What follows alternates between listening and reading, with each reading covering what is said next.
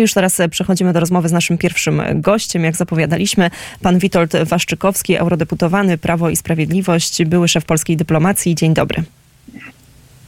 E, dzień dobry Pani, dzień dobry Państwu. Pozdrawiam z Brukseli. A my także pozdrawiamy z krakowskiego e, przedmieścia. I Panie Ministrze, przechodzimy już do naszego tematu. No właśnie, spójrzmy na to, co dzieje się na Ukrainie z perspektywy też ostatnich nawet e, kilku dni, bo mamy bardzo mocne ataki z jednej strony wojska rosyjskiego, to jest też odpowiedź częściowo na tą kontrofensywę, czyli na sukcesy wojska ukraińskiego, o których ostatnio dużo mówiliśmy i z których bardzo się cieszyliśmy. No ale takie pytanie do pana, czy ten entuzjazm nie jest aż zanadto, jeżeli chodzi o część mediów zachodnich, także o media e, w Polsce, bo to jest takie pytanie, no jak spojrzymy, to niestety nic nie wskazuje na to, żeby ten konflikt szybko się zakończył, a nawet pojawiają się powoli takie głosy, że ten konflikt może zostać zakończony jedynie na poziomie politycznym. To jest też chociażby dzisiejsza wypowiedź e, premiera e, Węgier Viktora Orbana, który stwierdził, że jedynie Donald Trump może zakończyć wojnę w Ukrainie. Czy pan e, zgodziłby się z takim stwierdzeniem, że ten konflikt faktycznie powinniśmy albo będzie, że będziemy mogli zakończyć jedynie na poziomie politycznym? No, może być drugie rozwiązanie, czyli całkowite pokonanie Rosji, przynajmniej na frontach mm, ukraińskich, co mogłoby doprowadzić do upadku e, władzy w, w Moskwie przez jakiś proces rozliczeń, ale to jest odległa perspektywa. Zaczynając od początku, Putin zapowiadał od dawna walkę o nową architekturę bezpieczeństwa, o nową pozycję Rosji, e, globalną pozycję. No, ja mówiłem od lat w planie maksimum było odbudowa pozycji Rosji do poziomu, jaki zajmował e, Związek Radziecki, czyli wojna, którą rozpętał przeciw Ukrainie jest tylko pewnym etapem zniszczenia, wchłonięcia jej majątku, a potem iść dalej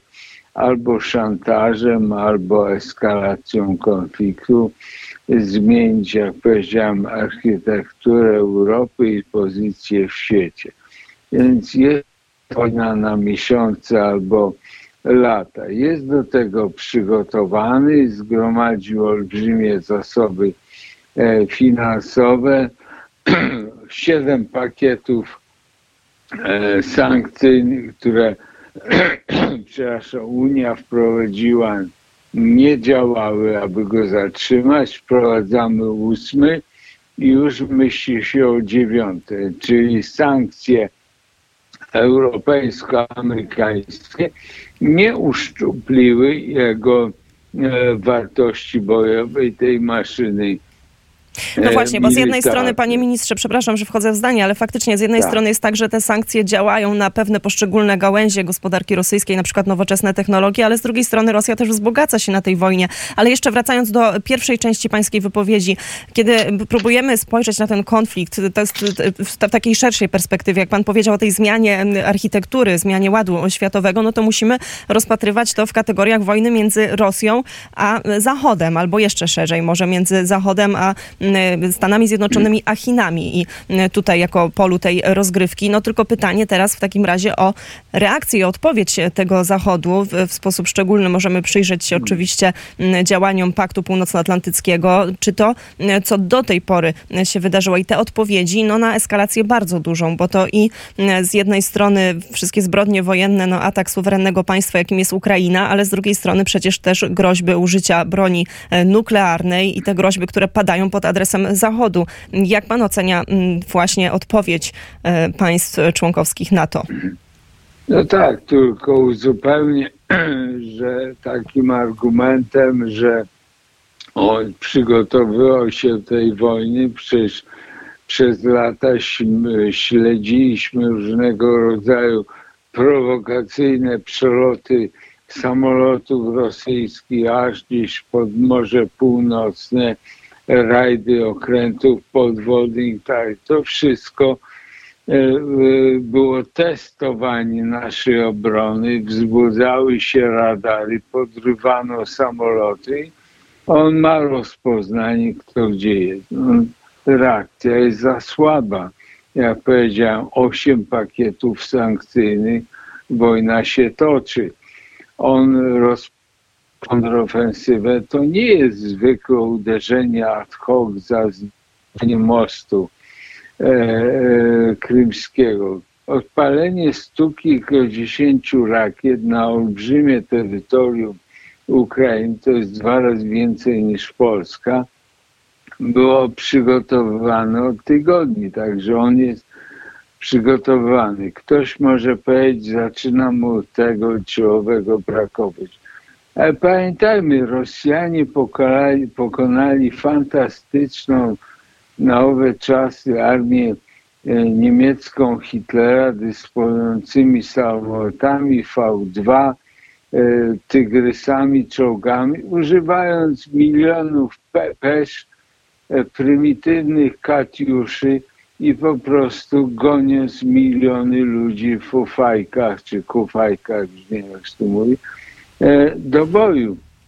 I on jest przygotowany, żeby zagnać teraz miliony Rosjan do e, podobnej wojny. Najpierw z Ukrainą, potem, potem dalej. Więc odpowiadając na pierwsze pytanie pani, tak, nie możemy być nadmiernie optymistyczni. Drugie pytanie, reakcje powinny być E, stanowcze. Powinniśmy wykluczyć totalnie Rosjan e, z naszego życia. Dlaczego one, te sportsmenki, ciągle gdzieś grają w tenisa? Ciągle mamy tłumaczy, e, świat kultury rosyjski tu żyje, turyści masowo odpoczywają na rywierach europejskich studenci, naukowcy pracują w uniwersytetach. No właśnie, tym no, bardziej, że tu y, jeszcze czy, można, panie ministrze, czy dodać. Niemcy, mhm. hitlerowcy mhm. używali wtedy życia w czasie II wojny światowej? Nie, tamten kraj był zamknięty i ten kraj musimy musimy zamknąć. Tym bardziej, że jeszcze aby usprawiedliwić e, takie działanie ostrzejsze, które powinno być, bo chyba z, z, tym się e, zgadzamy ze strony świata zewnętrznego, to jest to, że faktycznie większość obywateli rosyjskich, jeżeli nawet nie popiera tej wojny, to, to przynajmniej się jej nie sprzeciwia, bo już nawet nie chodzi o to, że ludzie nie wychodzą w Moskwie czy w Sankt Petersburgu na ulicę, ale nie widzimy ale protestów popiera, w krajach. bo tak. myśmy, tak. myśmy mieli tutaj dysydentów Rosji, którzy mówili owszem, jedni popierają mnie, a większość siedzi przed telewizorem i ogląda tę wojnę jako mecz piłkarski, prawda, bez, bez jakiejś refleksji. Oczywiście kibicując stronie, e, stronie rosyjskiej. Czy to społeczeństwo musi wreszcie poczuć cenę poparcia tego imperializmu. Na razie sankcjonujemy polityków, przemysł, ale nie większość społeczeństwa rosyjskiego, który, które popiera tę wojnę. No właśnie, a drugą stroną medalu jest to, że te sankcje to trochę jest taki miecz obusieczny, bo widzimy, że przecież bardzo mocno uderzają no też w gospodarkę e, unijną i pytanie do pana tutaj, e, jak, jak pan uważa, czy, czy Europejczycy, czy my po prostu jesteśmy gotowi no, na pewne wyrzeczenia nie. i też czy bierzemy pod uwagę to, że na przykład obywatel rosyjski będzie w stanie znieść dużo więcej, bo też po prostu przyzwyczajony do, był do jest do pewnych innych standardów. standardów.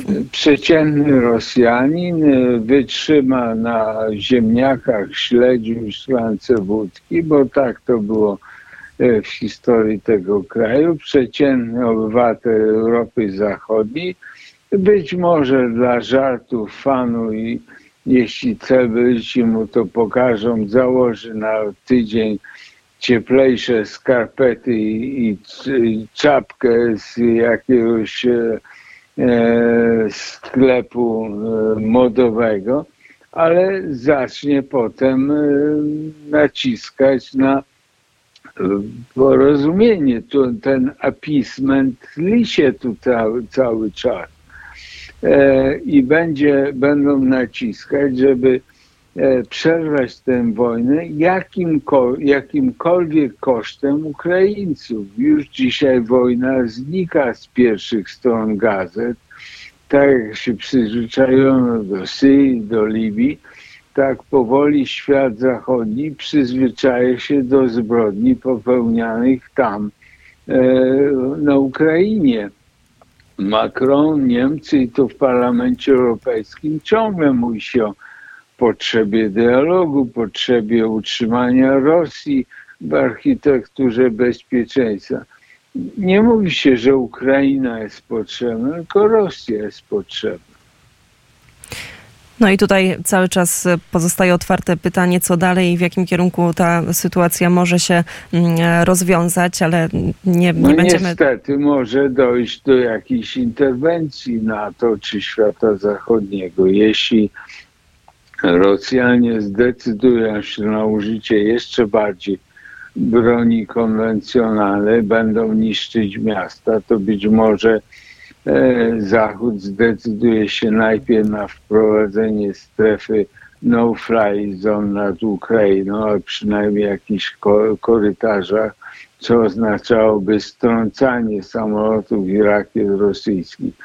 A jeśli dojdzie do ataku nuklearnego, no to już dzisiaj NATO zapowiada, że użycie broni nuklearnej przeciwko państwu nienuklearnemu musi się spotkać z, z karą z karą wojskową, jak na przykład naloty na instalacje wojskowe.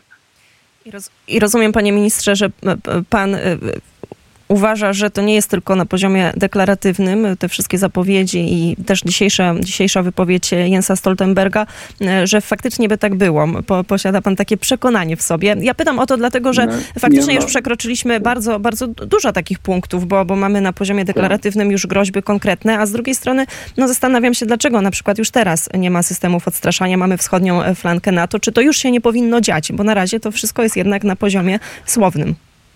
No, systemy odstraszania na wschodniej flance są. E, Ukraina nie jest członkiem NATO. W związku z tym NATO nie ma obowiązku bronić, nie mamy tam zobowiązań.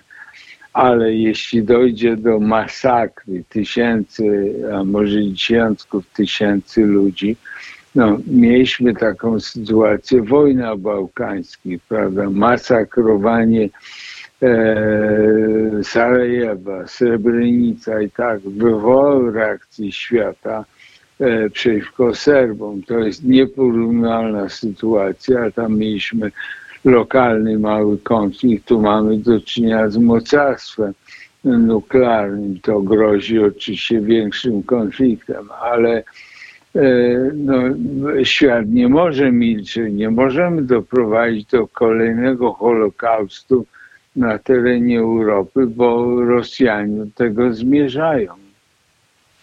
Panie ministrze, to jeszcze ostatnie pytanie. Już odejdźmy na moment od e, wojny na e, Ukrainie. Minister do spraw Unii Europejskiej odszedł e, ze, ze swojego stanowiska. W tle wprost już mówi się o, o tym sporze o praworządność. Jak pan, jak pan ocenia? Co by mógł pan powiedzieć w tej sprawie? E, niewiele. No, okazuje się, że po kilku latach e, prób i błędów, e, prób porozumienia się jakiegoś połowie drogi, jakiegoś kompromisu z instytucjami europejskimi, trzeba zmienić strategię i taktykę. Minister Szymański do końca uważał, że to jest konflikt. Nie rozumiał tego, że nie jest to konflikt czy spór, ale jest to atak liberalno-lewicowej większości europejskiej na e, rząd konserwatywny. E, w wojnie ideologicznej nie ma e, możliwości zawarcia kompromisu, spotkania się. Ideologie atakują się i niszczą nawzajem, byliśmy poddani takiemu atakowi.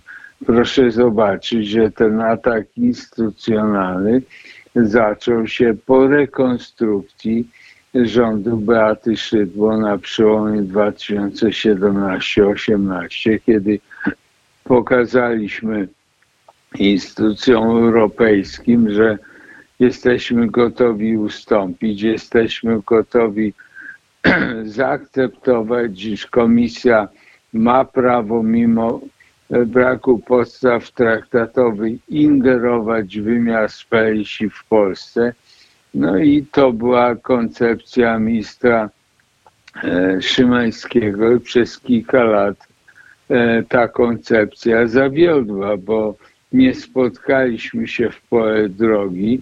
Atak instytucji europejskich jest coraz gwałtowniejszy. Zatrzymano nam e, pieniądze, miliardy euro bez podstaw prawa europejskiego. Więc nie można było dalej brnąć i pozwolić, że następnym krokiem nie będzie tylko ale w ogóle zatrzymanie siedmioletniego budżetu dla Polski. No, trzeba się zacząć bronić.